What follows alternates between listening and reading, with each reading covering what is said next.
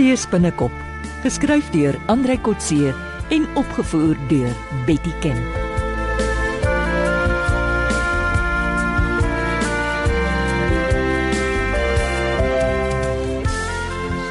Ja, Ons moet Ja, Pas ek stem, ek stem definitief saam dan. Maar goed, dankie mense. Tyd vir voorraadopname by ons vergadering. Uh op 'n punt van orde, meneer die voorsitter. Wat van eers 'n verwelkomingswoord en dan wat het gebeur en waar staan ons? Ek stem. Wel, Sergeant Fortuin is uitgevang vir die korrupte polisieman wat hy is. Nee, wag, wag, nie te opgewonde nie mense. Susan Fortuin is net nog 'n skakel in die ketting. Die legkaart is nog ver van opgelos. Ek is tevrede, Johan. Van nou af skakel ons direk met die valke. Ons kan net nie meer die plaaslike polisie vertrou nie. Nee, nee, nee, nee, wag, wag, wag maar ook eers daarmee. Ons is hier besig met een vrot appel in 'n groter korrupte organisasie. Ja. Die valke kan inkom as ons die groot base ontmasker het. Mm, hoe doen ons dit? Kom ons neem eers die vrotkolle aan die suidpunt uit. Ons is 'n plaaslike spannetjie wat misdaad op ons voorstoep wil help uitroei. Ek stem saam. As ons die tarantula uit die water kan kry, haar bemanning agter tralies en 'n korrupte polisiesersant uit ons polisiekantoor, dan het ons al baie bereik. Daai het jy dit nou, Johan? Ons is in die meerderheid. Die soektog staak net hier. Nee nee, ek dink julle is oorhaastig. Ons het al die bewyse, getuies, foto's, klankopnames, registrasienommers. Wat wil jy meer hê? Mm. Kom ons roep die lang arm van die gereg en wat sê Ja. julle? Ja ja, be, be, be, besef julle, ons het tot dusver nog net teen ons eie mense op ons eie woonplek gewerk. Hulle is misdadigers. Ons hoef hulle nie te beskerm nie. Ja, jy's Nee, reg. hoef nie. Maar dit voel vir my verkeerd dat ons bereid is om een poot van die seekat af te kap, maar die kop en die ander sewe pote is steeds besig om die seekos uit te roei. Nee, wag 'n bietjie Johan. Wil jy ons moet na Gansbaai en Hermanus en die hele Weskus gaan om stroopers vas te trek? Nee, nee, maar ons het 'n syndikaat beet. Hulle is nou in die situasie waarin hulle nie weet wat ons weet nie. Daar is baase bokant Fortuin en Bobby wat werk uitdeel en miljoene maak uit die opbrengs van hulle stropery. Ja, Maar ons kan hulle ook vasstryk. En hoe lank nog voordat ons dit doen? Ek weet nie, maar dit hoef nie maande te wees nie. Ons het 'n so goeie span ontwikkel en as ons so voortgaan, dink ek ons het die hele seekat in die net binne 2 maande. Hm. Eintlik is jy reg. Ons het ver gevorder. Voel ja. soos gister toe ek jou gesoebat het om ons te help. en jy het souwaar nou uit jou spinnerak geklim en dit gedoen. Ja, ja. Eintlik sal dit verkeerd wees om nou hier op te hou. Terwyl hy dink ons moet voortgaan. Ek nog doen? jy het jou vaardighede oor en oor bewys. Jy kan nie net hardloop, swem en toneel speel nie, jy kan ook mans verlei en flink dink. Ja. Kinaatjie. Nou vorentoe gaan ons dalk meer moet dink as doen. Hmm, Wel, dan is ek in. Solank jy onthou, ek is maar net 'n leerling ontvangsdame by die dokter se spreekkamer. Ja, ah, ah, jy's baie meer as dit, Ina. Jy is onmisbaar. Regtig? Ons gaan die leidrade volg totdat hulle ons na die belhamels toe lei. Ek weet nie hoe om weg te spring nie, maar ek sal beslis volg. Ja, kyk tot nou toe het ons seewaarts gewerk. Eintlik ons sou nou landwaarts moet begin soek na leidrade. O, Nou ek sien 3 leidrade wat ons kan optel. 3. Moet ons rondry. Nee, nee. Ek dink ons moet na die skurke se organisasie boontoe kyk. Wie is die baas? ja. Ons kan die voertuig wat per lemoen aflewer Kaap toe volg en kyk waar die aflaaipunt is. Ja, as dit wel Kaap toe is. Uh, ja, ons weet dit nog nie. Ek dink nou net daaraan. Die drywer weet nie dat ons weet nie. Dit behoort maklik te wees om agter die voertuig aan te ry en die aflaaiadres te bepaal. Ja, nou, dalk nie so maklik nie. 'n Skuldige bestuurder kyk gereeld in sy triespieeltjie. Ons sal moet slim te werk gaan. Mm, nou wat is die ander leidrade oom Johan? Seker Bobby se stoor. Nie net sy stoor nie, ook sy telefone, voertuie, bewegings, eh, kuierplekke, bankrekenings, Tuurlik. enige iets wat ons na kontakte in die syndikaat kan lei. Mm. Wel Johan, jy het die voordeel dat jy reeds met hom gesels. Hy kan dalk sy mond verbypraat. Ja nee, ek verwag dat hy soos 'n skilpad sy kop sal begin intrek vir my. Ja, veral as Fortuin agterkom hoe gereeld jy hom sien. En die feit dat ons die kontak tussen hom en Fortuin bevestig het. Daai selfoonoproepe tussen Tannie en Fortuin en Bobby was 'n oulike plan. Ja. Ja, ons moet verwag dat Fortuin dalk weet van ons samewerking.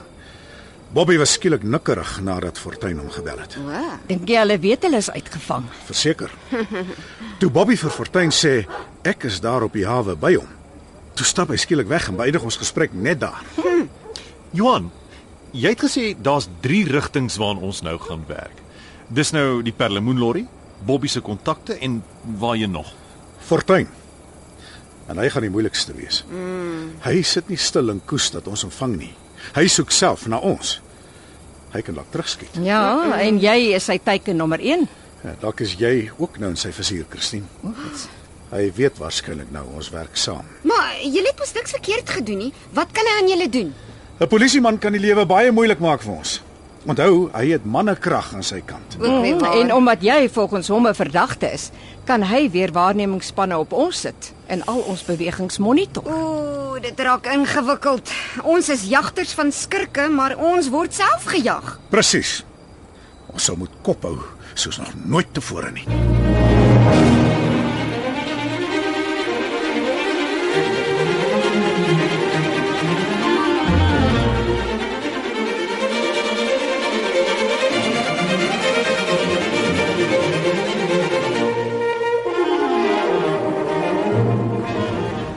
Bobby, van nou af moet ons so min moontlik by mekaar gesien word. Jy reken hy oupas weet van ons dinge. Jy was 'n fool om saam met hom by die hawe te kuier en dan nog saam te drink ook. Hy weet niks van ons perlemoen nie.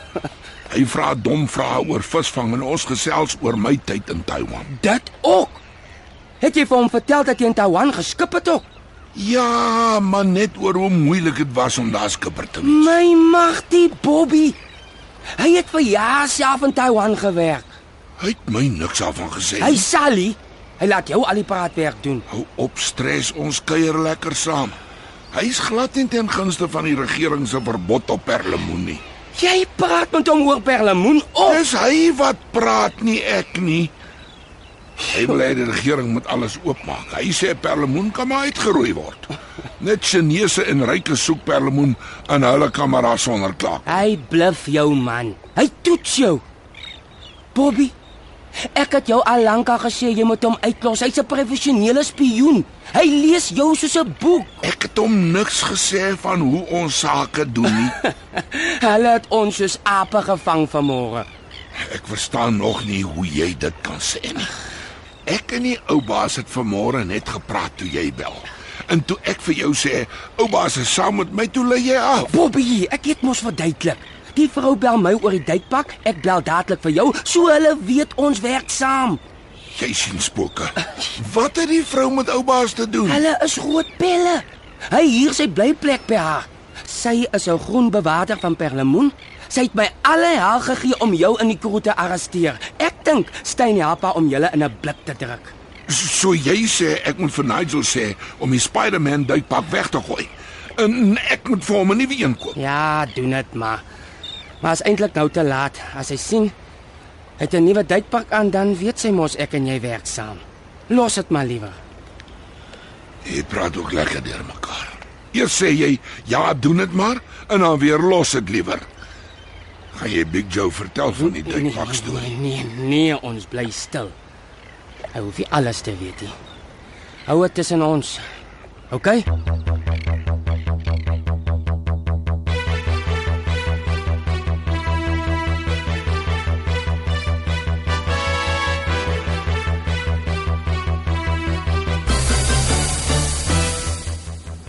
Wynand. Hm. Jy lyk cool. Gaan jy vanaand uit? Uh nie sonder jou nie. Ons het mos al gepraat. Moenie dit moeilik maak nie. Ek wil dit nie moeilik maak nie. Ek wil jou net help vergeet. Mm, 'n Mens vergeet nie binne 3 maande dat jy 'n man vir jare gedate het, dat jy aan hom verloof was en dat jou verloving 3 weke voor die troue verbreek is nie. Ja, maar jy moet tog seker met iemand daaroor praat. Wel, ek het al met die sielkundige en dit het nie gehelp nie.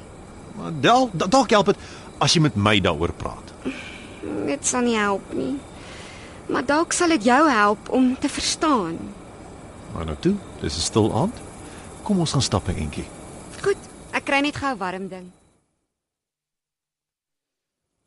Die troukaartjies was lankal uitgestuur en die reëlings alles getref. Tannie Christine sou kom om my te help. Jou ma's mos dood toe jy nog op hoërskool was, nou. Ja, my pa sou betaal. Hy het vir baie van die goed al klaar betaal en toe gebeur dit. Maar bedoel, kon jy hom nie hof toe vat vir skadevergoeding nie? Jou verloofde. Julle mans redeneer almal dieselfde. My pa wou dit ook doen, maar ek sê toe nee, dit sou nie die seer langer uitrek los dit. Ja, ek dink ek verstaan. Dis 'n mooi aand.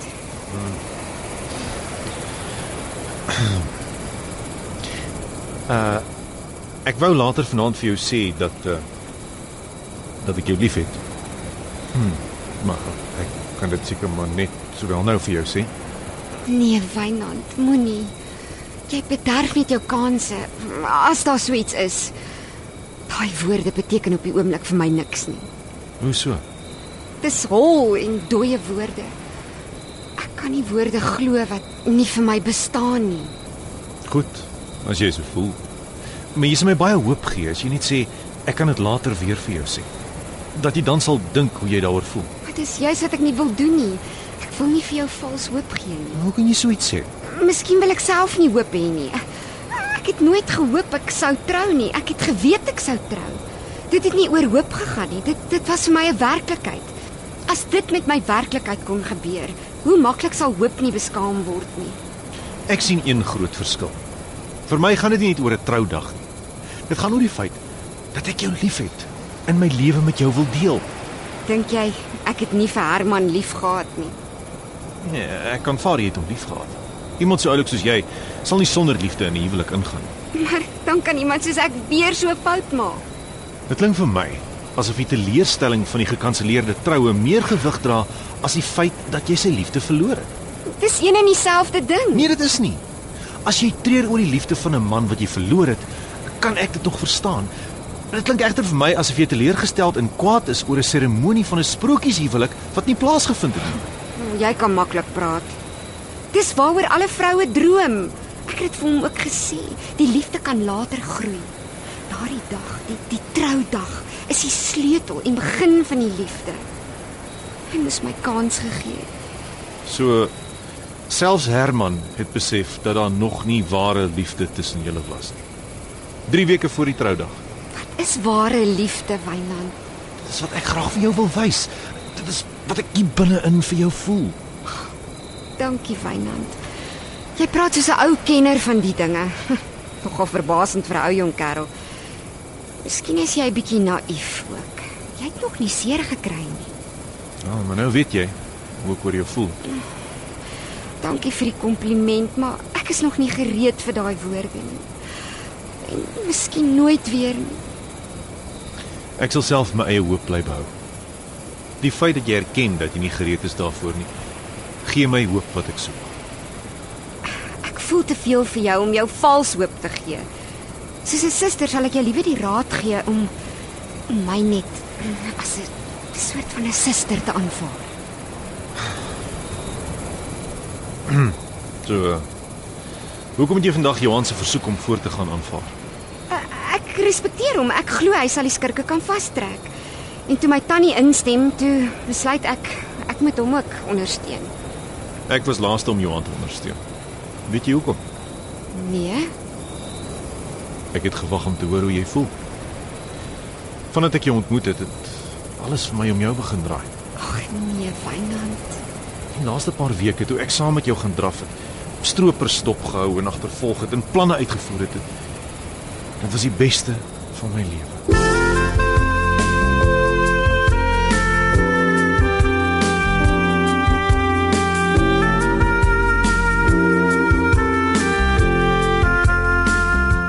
Dit was Seespinnekop deur Andrei Kotse.